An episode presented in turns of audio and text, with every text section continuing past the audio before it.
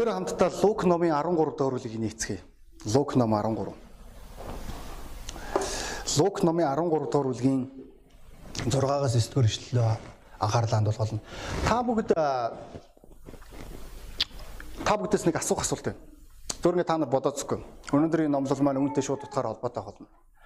Та нарын дундаас шал дими ингээд амьдралаа ингээд шал хэрэггүй юмд зарцуулж байгаа хүмүүсийг харсан хүмүүс байна уу? Аа Зүгээр ингээ гар утсаа ингээл мажаад юм хүлээгээ сууж байгаа. Амьдрал нь юусэн үндэлгээд ямар ч үн цэнэгүй. Зүгээр юуны төлөө амьдраад байгаа ингэж үнэхээр өөрөө ирэхгүй бодмоор. Яг харахгүй ашиггүй юм шиг санагдаж байгаа тэр амьдрал нь. Зүгээр л цагийг алж байгаа. Өнөөдөр хүлээж байгаа маргааш юу хүлээд байгааг тодорхой ус. Тэд нэр ямар ч зориг байхгүй, ямар ч бүтээмж байхгүй. Тэд нэр яаж хийж байгаа аргалж байгаа. Тэгээд тодорхой нэг насанд хүрэх үедээ тодорхойлох юм бол 50 60 хүрэх үедээ тэд нэр зүгээр л амьдралыг яаж иж байгаад дуусгахыг хүсэж байгаа. Тэгвэл өнөөдөр та энэ газар байгаад өөрийн амьдралаа тэгж дуусгахыг хүсэхгүй байгаа болов. Үүнтэй уялдуулан өнөөдрийн миний номлын нэр Бурхан чамаас үр жимсийг хүсдэг гэдэг нэртэй номлол байгаа. Яг тэгвэл энэ газар байгаа итгэгч хүн болгон өнөөдөр үр жимсгүй байвал эрт өрөөгөө таны амьдрал үн цэнэ алдах болно. Та өөрийн зорилгоо алдна гэдэг нь тодорхой тийм үү? Тэгэд бүгдээрээ хамтдаа аа Лук номын 13 дугаар бүлгийн 6-аас 9 дугаар ишлэл рүү анхаарлаа хандуулъя. Тэр ийм нэгэн сургаал зөвлөл айлд. Нэгэн хүн ус үзмийн талбай Өнөөдөр бидний энэ амьдралд байгаа бүх бүс маань өнөөдөр тэр чигээр үр жимстэй холбоотой байдаг. Зүгээр одоо энэ үр жимс маань зүгээр нэг ийм үр жимс биш шүү. Одоо ингээд аа нэг хүүхдтэй нэг орон гэр үлдээчих юмсаа би өнөөдөр өргөл дээр хэлсэн тийм. Чи орон гэрийг үлдээлээгээд чи машин үлдээлээгээд чи хөөрөг үлдээлээгээд чи аяг үлдээлээгээд хүүхэд чинь хэрвээ ухаан байхгүй бол эрт өрөөгүй эн чинь нэг ганц хоёр үе дээр чи алга болоод устдах болно. Бид нэр өмнө нь маш олон тийм итгэгч нарын талаар одоо ингээд сонсож байгаа тийм. Манай өвөө баян байсан манай өвөө өстө мянгат малчин байгаад тал хүндийг тэр чигээр мал адгуусаараа дүргэж исэн тийм Өөстө бүр тэр нэг юм мөнгө аяг гэдэг чинь манай гэрт зүгээр хөглөрөө л байж идэг байсан гээл тий. Гэхдээ өнөөдөр яагаад чи ядуу байгаа юм бэ? Хин нэгэн тэнэг шийдвэр гаргасны улмаас хин нэгэн хуваа хичээсний улмаас өнөөдөр та энэ газар хурж ирсэн байгаа. Маань гонигтэй байдаг тийм үү? Өнөөдөр энэ зүгээр л зөвхөн явцуу сэтгэлгээгээр өөрийн амьдралаа харж байгаа тэр хүмүүсийг би танд хэлсэн. Эзэн чиний амьдралд үр жимсийг хүсэж байгаа Энэ нь үр жимс нь үргэлж мөнхөд байгаасаа гэж үзэж байгаа. Энэ нь бол үнэхээр тодорхой тийм үү? Гэхдээ асуудал нэг юунд оршиж байгаа бол бид нэр өөрсдийнхөө өөрсдийнхөө үр жимс гаргана гэдэгт итгэхгүй байх аюулт бүх зүйл оршиж иж болно. Чи өөрөө өөртөө итгэхгүй байгаа. Надаас гэхдээ юу гарах вэ? Ялангуяа үүн дээр хэрвээ чиний дутуугийн мэдрэмж хэрвээ ажиллаад эхлэх юм бол чи ямар нэг ялагдал чиний амьдралд хурж ирэх үед чи өөрөө ирэхгүй гараа буулгаж байгаа. Чи өөрөө өөртөө итгэхэ болж байгаа. Би ийм итгэгч нарыг би өчнөөнийг хардаг. Тэд нар нэгэн цагт бурханд үйлчилж исэн эзэнт тууштай байсан байгаа. Тэгээд тэд нар ямар нэг юм бүтгэ болсон. Тэг үүний улмаас тэд нар одоо зүгээр л зүгээр л сууж байгаа. Тэднэрт одоо бүх юм хамаагүй. Тэд нар яг л Йоанна шиг тийм үү? Хөлөө онгоцны хөндийн доор зүгээр унтахыг илүүд үзэж байгаа. Түүний итгэлийн амьдрал унтаа амьдрал. Түүний итгэлийн амьдрал зүгээр би хиндэж хамаахгүй, надад хинч хамаахгүй гэдэг амьдралын шийдвэр байгаа. Тэд нэр өмнөгшгөө бурхан дотор хурц байхаа байсан. Тэд нэр өмнөгшгөө бурхан дотор хэрэгтэй байхаа байсан байгаа. Тэд нэр өөрөө өөрсдөө голж эхэлж байгаа. Уг нь бол тэд нэр чадамжтай итгэгч нараас нэгэн цагт. Тэд нэр өмнө нь их даацтай байсан. Тэд нэр мундаг ихэлсэн байгаа. Даанч харамсалтай. Диавол тэднийг хэрэгтэй үед нь сөхрүүлж чадсан байна. Өнөөдөр хэрвээ чи өөрийн амьдралдаа үр жимс гаргахгүй бол чиний амьдрал итгэхгүй пассив амьдрал руу шилждэг. Чи ургамлын амьдралаар амьдарч эхэлж байгаа. Чи магадгүй өнөөдөр эзэнд итгэдэг гэж хэлж болно. Чи өнөөдөр бурханд найддаг гэж хэлж болно. Гэхдээ чиний бурханд найдах найдварч болохоор яг юутай холбоотой гэвэл зовлон тохиолдох үедээ бурхан минь та надад туслаач. А тэгээд туслахгүй байгаа нөхцөл та яагаад надад тусалсангүй вэ? Ерөөсөө энэ хоёрхан зарчимдаар оршиж байгаа чиний итгэлийн амьдрал. Чи өнөөдөр өөрийн одоо яг байр сууриас ерөөсөө юу ч гаргахгүй байгаа даа. Чиний амьдралд ямар ч үр жимс байхгүй. Тэгээд энэ энэ их гонхтой гэдэг юм ийм хүмүүсийн амьдралыг харахад чиний амьдрал өчүүхэн жижигхэн болж хуурдаг. Чи өмнө нь 1-р Коринтын шилдэг үлээ 2-р бүлгийн 14 15 дахь шилдэр сүнслэг нэгэн махан биеийн хүнээс илүү сэтгэдэг гэж хэлж байгаа. Тэгвэл чи өнөөдөр тэр махан биеийн хүний сэтгэлгээр үчи шилтсэн чиний амьдралын үндсэн хэмжээс, материалын хэмжээс чамд бахархаж болох чиний одоо өнөөдөр өөрийн одоо бусад хүмүүсийн өмнө гайхуулж болох зүйл чи ерөөсөл эд материал өөр юу ч байхгүй. Чи итгэж хэмжээсээр авч үзэх юм бол чамд гайхуулаад байх юм юу ч байхгүй. Чиний тэг амьдралын үндсэн хэмжээс чинь нэр алдар эд баялаг болж хөрж байгаа. Өнөөдөр зүгээр бүгдөө энийг үр жимс гэж тооцож болох уу гэдгээ зүгээр бүгдөө бодож үзье. За та энэ амьдралд нэр алдартай хүн боллоо гэж бодъё. За би таны өмнөөс үнэхээр баяртай нэр алдартай. Муу тий од. Тэгэд та од болчоор чинь хүүхд чи од болно гэсэн үг үү? Аа? Бид нэр үр жимсийн талаар ярьж байна. Өнөөдөр та орон гэртээ болчлоо гэхэд тэнгуут нь таны хүүхэд ч орон гэртээ болцсон гэсэн үг. Үгүй эсэргээр таныг өгөх үед эд баялгийн дай эхэлнэ. Таныг үхээд хүүрчин хөрөөгүй байх тэр үед та, та нарын хөвгүүд өгтөөц чинь хоорондоо тэрий чинь булаацалдах болно. Та нар юу санаж байгаа төрсөн хүүгийн түүхэн дээр аавыгаа өөхөөгүй байх үед эд баялгаа угаасан шүү.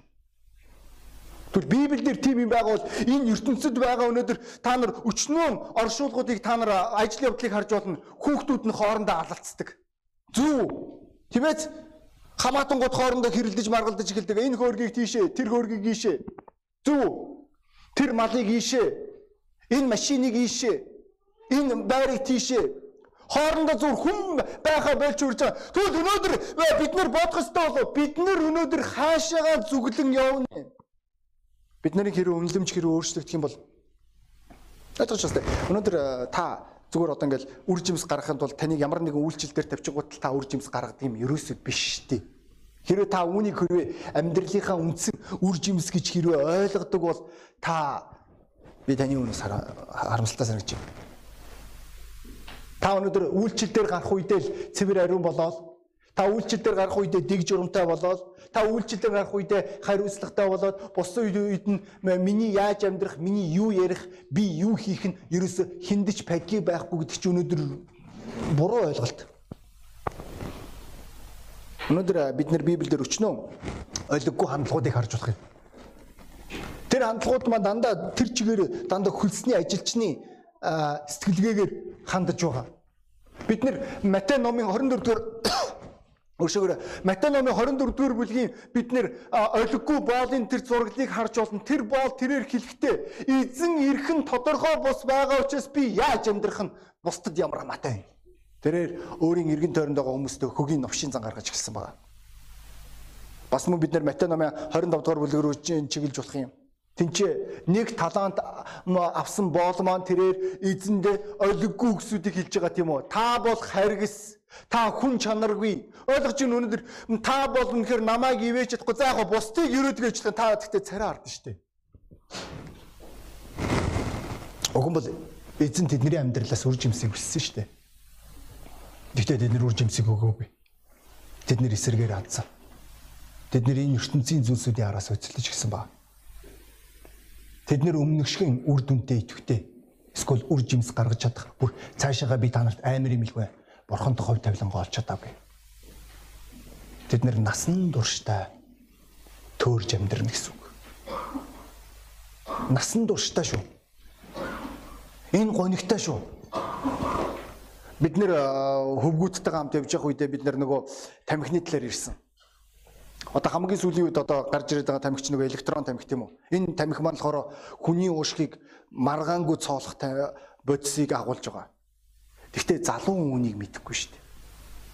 Би өнөөдөр 18-та, 19-та, 20-та, 21-та, 22-та, 27-та байх үед би юу ч тоохгүй шүү дээ.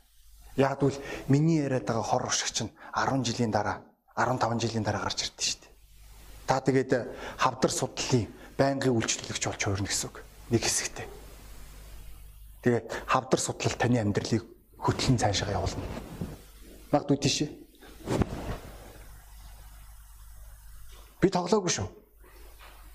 Өнөөдөр бид нэр э, залуу байх үедээ бид нэр тэр болгон өнөөдөр миний амьдрал хаашаага яваад байгаа. Миний амьдрал яг миний амьдралаас юу гаргаад байгааг бид нэр ойлгохгүй байна. Зүгээр л урсгалаа дагаж амьдарч байгаа яг үнэндээ хэд ямар ч үр жимс үр дүн байхгүй. Өнөөдөр зүгээр залуу минь охин минь би чамаас асуумаар байна. За чи залуу чи ямар үр дүнд хүрж амьдарч байна?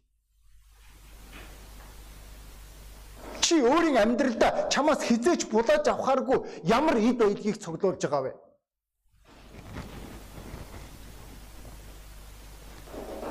Тэгэд өнөөдөр чи өөрийгөө хичнээн өрөвдөж болно. Аа би үр жимс гаргаж чадахгүй. Би юм би тийм үгүй штэ найзаа. Асуудал өнөөдөр энэ дээр яригдчихэж байгаа юм биш. Ойлгож байна уу? Энэ инженерийн модыг бурхан тусгаалan газар байрлуулсан байгаа. Энэ модыг тэр газар ургуулах зорилго байсан. Энэ зорилго нь үр жимс байсан байгаа. Данч харамсалтай. Энэ мод хэлж байгаа. Би хүсэхгүй байна. Ойлгож байгаа сте. Бурхан бидний амьдралд хүн болгонд тэр боломжийг олгодог. Би үүнд итгэдэг. Би мундагдаа сүрхийдээ пастор болоогүй шүү дээ. Надад нэгэн цагт боломж өгөгдсөн. Би тэр боломжийг ашигласан ирчүүдийн нэг. Үгээрээ л ялгаатай. Үүний тулд энэ боломжийг ашиглахын тулд би өөрийгөө тэр чигээр нь зориулсан байгаа. Зүгээр л чи яг л их хэмжээний мөнгө олж байгаа юм шиг чи өөрийгөө дайчилж гисэн. Өнөөдөр заримдаа хүмүүс ойлгодгүй те чамайг маш онцгой газар байрлуулчаад хахад чи өөрийнхөө амьдралынхаа зүйлсүүдийг үнэлэхгүй байгаа. Бурхан чамайг гэр бүлээр өрөөчөд хахад бурхан чамайг үр хөвгтөр өрөөчөд хахад чиний амьдралын үндсэн зорилго чинь эд баялаг байх аюул бий. Тэ чи хизээ сэтгэл ханахгүй байгаа юм тийм үү? Би бүр ийм хүмүүсийг харж байсан өнөөдөр ганц би тэр хүмүүс маань өмнө нүглийн боол байсан бол тэрээр нүглээс чөлөөлөгдөж байгаа. Тэрээр одоо боолчлол байхаа байсан тэгсэн ч гэсэн тэрээр сэтгэл дундуур байгаад байгаа. Бас мөн тэр хүмүүс маань ажилд орж байгаа өмнө нь юусэн ажил хийн гэдэг талаар юусэн юу ч мэддэггүй байсан. Аав ээжийнхэн асрамжин дотор л үндэхэд амьдарч исэн. Одоо дотор уцаасаа эхлүүлээ бүх юм болохоор аав ээжийн дэмжлэг Тэгсэн чинь чи өөрөө мөнгө олоод чи өөрөө санхугаараа өөртөө хувцастай дотор хувцас авах боломж олдож байгаа. Тэгэхэд чи тэрийг үнэлэхгүй байгаа даа. Тэгээ эсэг хугацааны дараа чи хин нэгэнтэй үерхэж байгаа. Тэр үерхэж байгаа нэгэндээ ихэндээ болохоор үнэхээр баяр хөөртэй байгаа даа. Гэтэ чи эсэг хугацааны дараа ийм ч гэсэн чамд хангалтгүй. Чи дараа нь чи хүнтэй гэрэлж байгаа чи гэр бүл байгуулсандаа баяртайгаа бал саргийн гих мэтлэн үнэхээр гайхалтай романтик бүх зүйлтэй киноны ерөөсө кинонд тоглож байгаа юм шиг санагдаж байгаа юм тийм үү? Гэтэ хэсэг хугацааны дараа чи сэтгэл дундуур болоод эхэлж байгаа чи э, хажууд байгаа хүний өөлж байгаа чи тийм чи ийм чи дандаа ийм чи байнгын байдлаар нөгөө хүнийга чи өөрийн хүсэж байгаа тэр зүйлдээ хүрэхийг хүсэж байгаа. Та нар санаж байна нөгөө далидаг. Надад далидаг гэдэг үг амар энэтэй санагдав. Энэ далиц юм хтэй тий. Түл тэр эмгтэй юу вэ? Тэр эмгтэй үндсэн зорилгод эд баялаг байсан шүү дээ.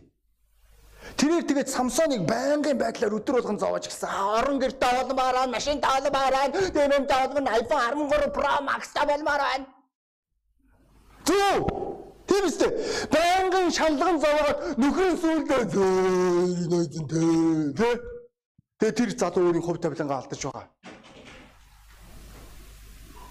Яагаад ийм юм болсон юм бэ?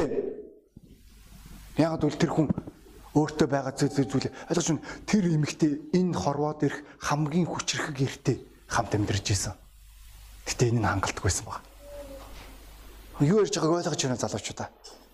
Бурхан чиний амьдралд өгж байгаа тэр нэгүслийг чи одоо хүртэл үнэлэхгүй, чи одоо хүртэл хайрлахгүй амьдарч явах аюул бий. Үүнээсээ болоод өнөөдөр бид нөр үр жимсийн талаар бүр мартаж болох юм. Өнөөдөр э, чиний амьдрал хэрэгтэй байж чадж байгаа юу? Чи яг хинт хэрэгтэй? Зүгээр бодож үзцгээе. Чи өнөөдөр хинт бүр наацхан тусалж байгаа вэ? Ойлгож байна юу ярьж байгааг? Энэ инженерийн мод Ерөөсөө амьдралын үндсэн мөн чанар тэр чигээр үр жимс гаргах руу чиглэж байгаа. Хүүгэд гаргах зардал багтай. Энд чи аав ээж нар хэлж байгаа. Хүүхэд дөнгөж төрөөд те нэг нэг нас, хоёр нас, гурван нас одоо ийм жоохон байхад зардал багтай. Үнэхээр зардал багтай шүү. Гэхдээ томрох үед тэр хүнийг э, бурхны хүмүүс болгох. Тэр хөвгүүдийг өнөөдөр бурхан тайртай болгох. баяр хөөртэйгээр Бурхныг алдаршуул магтах чадвартай байлгах. Тэрнээс зүгээр нэг юм зуршлаар биш. Тэр хүүхдэд зөв мэдлэг өгөх. Тэр хүүхдэд эрүүл алсын хараа өгөх. Энэ маань зардал өндөртэй. Үнэхээр зардал өндөртэй шүү. Харин энэ зардлыг энэ инженерийн мод төлөхийг хүсээгүй. Энэ инженерийн мод хэлж байгаа. Зүгээр л би энэ байдгаар л уу? Намайг битээ оролт. Пастор номлдгоор номл надад хамаалах үр жимсний талаар ярьсан ч гэсэн би өөрийнхөө шийдвэр дээр зогсох болно. Тэгвэл бүгдөө энэ өглөө зүгээр бодож үзцгээе. Тэрээр юу алдаж байгаа вэ?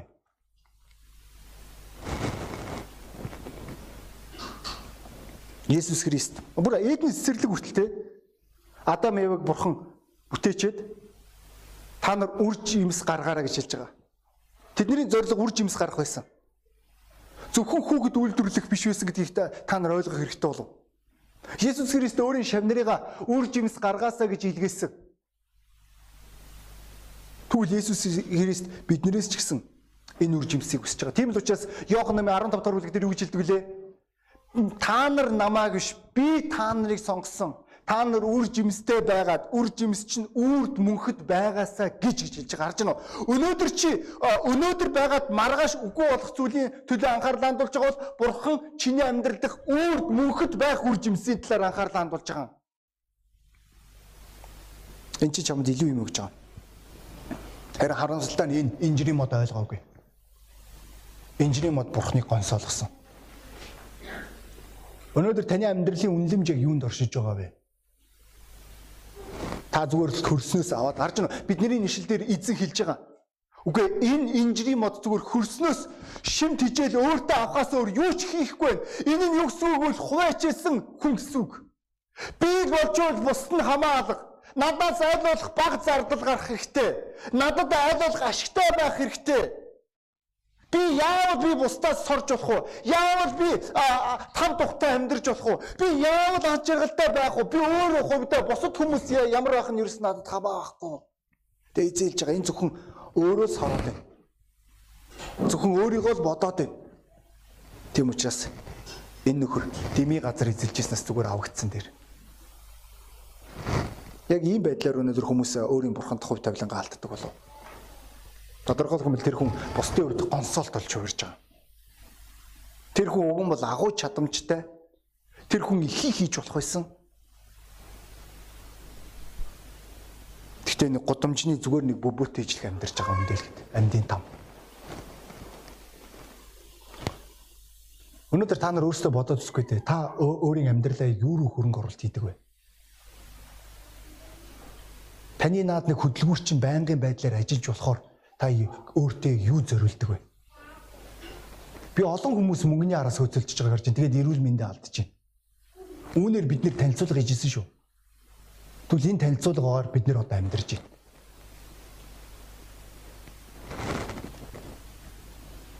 Ойлгож байгаа өнөөдөр чи хэрвээ бурхны хаанжилдах үр жимс гаргахаа болох үед чи өнөөдөр итгэлийн амьдралын үр жимс гаргахаа болох үед чиний зорилго чи өөрчлөгдөж эхэлдэг. Чиний үнэлэмж чин өөрчлөгдөж эхэлдэг Тэгээ чи итгэлийн амьдралаасаа ухарч эхэлж байгаа. Энгийн итгэгч хизээч үр жимс гаргахгүйгээр амьдрч чадахгүй. Хэрвээ чи үнэхээр Иесус Христэд итгэдэг бол чи хизээч ийм амьдрал чиний амьдрал зохихгүй. Энэ бол ерөөсөө зүгээр тэр чигээрээ Библиэс гажсан гаж урсгал сургаал. Бурхан чамааг үр жимс гаргаасаа гэж Библи тэр чигээрээ чамааг үр жимстэй байгаасаа гэж хүсэж байгаа. Харин чи өнөөдөр юу ч хийхгүй, юу ч хийхгүй гарахгүй чи зөвхөн өөрөө өөрийнхөө төлөө амьдарч байгаа бол чи ойлго. Чи өдрөөс өдөрт өөрийгөө өчүүхэн болохоос гадна чиний хон ологдсон байх аюул вэ? Энэ гонигтай шүү. Үгцэн итгэгч нарыг харах. Сүнслэгээр үгцэн итгэгч нарыг харах. Тэд нэр сүм цуглаан төрж ирэх үедээ баяр хөөргийг мэдэрдэггүй Тэд нэр ертөнцийн зүйлсүүдийг хараад үгүй ойлгох хэрэгтэй болов. Бүгдөө Лотын гэр бүлийг санацгаая. Лотын Лот тэрээр эхнэрээр хатгуулсаар байгаа тэрээр Йорданы хөндийг сонгосон. Яг л хэрэг үнэхээр Лот хэрвээ зөв эхнэрээр хатгуулаагүйсэн бол тэр хизээч одоо эхнэр нь дараа нь давсан баг нь болохгүй байсан болов. Тэд нар нэгэн хэсэг хугацаанд тэд нар Содом Гомород үнэхээр сайхан байсан штэ. Зүү Тэд нэр жаргалтай байсан. Гэхдээ хэсэг хугацааны дараа тэр эмэгтэй өөрийн нөхрөө хатгаж байсан, өөрийн нөхрөө ингэ чиглүүлж байсан тэр зүйлс нь юу руу үрсэн бэ? Эцэн лот тэрээр бүр ямар ч сүнслэг хэмжээсгүй болж өгөрсөн байгаа. Тэр ямар ч бурхантай харилцаа байхгүй. Бүр бурхантай маргалдаж эхэлж байгаа. Тэрээр ямар ч сүнслэг үн цэн байхгүй. Бүр тэрээр хөргдүүдэд хэлэх үед хөргдүүд нь түүнийг шоолж инээж байгаа. Дорд үзэж байгаа. Тохурч яадгүй хөргдүүд нь хэлж байгаа. Хөгшөө чи бол энэ гэр бүлийн альфа биш шүү хөө. Бүх зүйлийг чи ихнэр чи удирддаг юм. Ихнэр чи. Эйшаа тийшаа ингэж хөл. Хөдөл гараа тийш өрг. Доошо болго. Суулт гуруудай чи өнөөдөр шийдгүүлсэн. Бодон дээр унд. Тэгэд эцсийн дүнд юунд төрсөн бэ? Тэр эмэгтэй мунхаг удирдлага эцсийн дүнд өөрийн давсан баг нь болгож өөрийн охтууд нь өөрийн охин нөхөртөө нунтаж байгаа. Яг тэгвэл тэр эмэгтэй өөрийн охтууд нь янхан шиг сэтгэлээтэй болж байгааг юусаа ажиглаагүй. Ерөөсө завхааралд тэр чигээр охтууд нь ертөнцийн тэр хим химжээс рүү чиглээд завхаарал тэр одоо энэ бүх зүйлийг өнөөдөр үн цэнэ болгож байгааг тэр эмэгтэй ажиллаагүй байна. Энэ тэр эмэгтэй хувьд зүгээр Содом Гомор тухайн үеийн хамгийн хөгжил сайтай хотод сайхан хаосын дотор амьдрахын сайхан байлаа. Тэгээд хормын дотор бүх юм өөрчлөгдөж байгаа ш. Бүгдээр инженерийн модны оронд бүгдээр төсөөлцгий. Тэрээр 3 жил зөв зүгээр байсан ба тийм үү? Сайхан байна уу тий? Ус үзмийн моднуудын дунд тийм үү? Тэр ганцаархан онцгой. Тийм үстэй ганцаа ганцаархнаа штэ. 3 жил бүх юм тайван байсан штэ. Тэгсэн чи гинт эзэн үрж ирж байгаа. Тэгээ түүний хувь тавилан эргэлзээтэй нөхцөл байдалд орж байгаа. Хэрвээ эзэн Иесус Христ хэрвээ түүний амьдралд ороагүйсэн бол Өнөөдөр хэрвээ эзэн Иесус Христ чиний амьдралд боломж олгоогүй байсан бол залуу минь охин минь чамд ямар ч найдвар байх байсан. Энэ нь юу гэсэн үг вэ гэвэл энэ өглөө чи бүх юмыг өөрчилж болно гэсэн үг.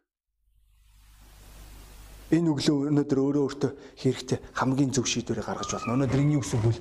Өөрийн хуваачилсан зангаасаа татгалзах. Өөрөө өөрийнхөө төлөө амьдрахаа болох. Энэ бол маш чухал. Энэ юу гэсэн үг вэ? Чи бусад хүмүүсийг бодож эхэлнэ гэсэн үг. Энэ нь юу гэсэн үг вэ? Чиний санхуд хандах хандлага өөр болно гэсэн үг.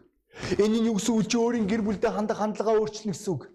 Энэ нь юу гэсэн үг вэ? Чи өөрийн үйлчлэлд хандах хандлагаа өөрчлөн гэсэн үг. Энэ үед ойлгож байгаа үстэй.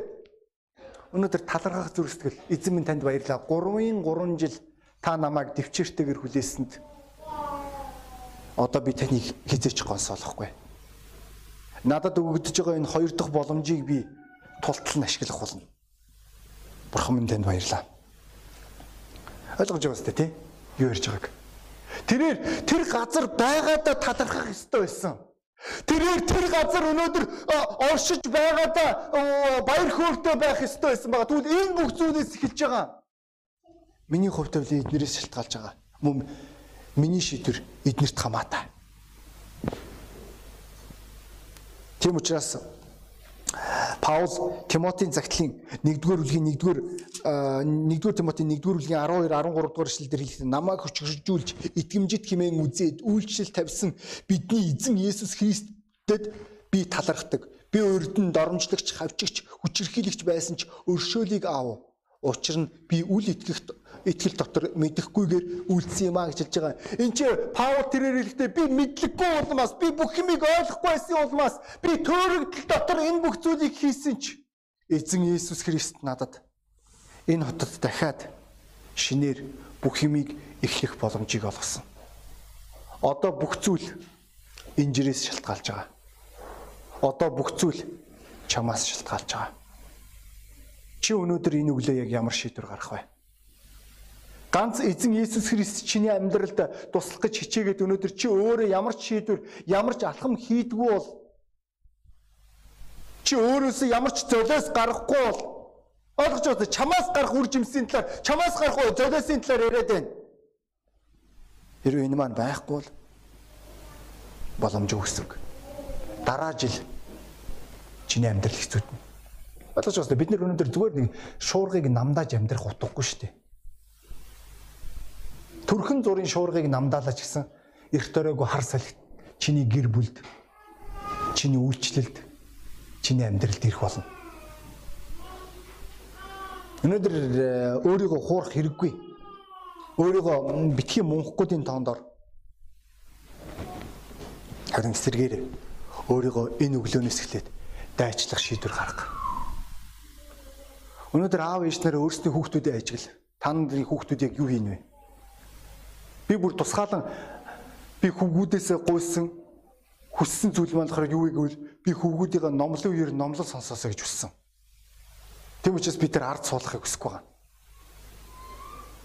Яг бол ард зүгээр л тэд нэр тоглож байгаа. Зүгээр л би хүүгүүдээс асууж байгаа. Та нар ном сонсдгүй сонсдгүй шүү дээ. Тэгвэл итгэлэн сонсоход сонсоход бурхны үгнээс гэдэг биш л бай. Тэгвэл тэд нар өнөөдөр би биенийхээ яриаг сонсоод зүгээр орсон эдгээр тоглож амжин штэ дэртээ дэргүү тийм үстэй. Гэхдээ өнөөдөр эдгээр энэ хүмүүс маань ойлгож байгаа. Бид нар энэ хүмүүсийг хүчээр өнөөдөр бид нар итгэгчнэр болгож чадахгүй. Харин бурхны ариус энэ хүмүүсийн зүрх сэтгэлд ярих үед эдгээр итгэгчнэр болно. Одоо энэ хүүхдүүд маань пастрын хүүхэд гээл тэнгуүтэл эдгээр итгэгчнэр болчдгүй шүү дээ. Бид нар өөрсдөө сонголт хийх гаргаад тэгвэл би тэр сонголтын зөв сонголт байгаасаа гэж хүсэж байна. Өнөөдөр тэгвэл таны өнөөдөр энэ өглөө гаргах сонголтыг би зөв сонголт байгаасаа гэж байна залуу минь охин минь. Чи үр жимс гаргахаар дуудагдсан. Чамаг бурхан үр жимстэй байгаасаа гэж хүсэж байгаа үр жимс чи үржээсэ гэж хүсэж байгаа. Тэгээд энэ өглөө бид шийдвэр гаргах хэрэгтэй. Тэгээд хүн болгон талгаа талгаад мэднэ байхгүй юу?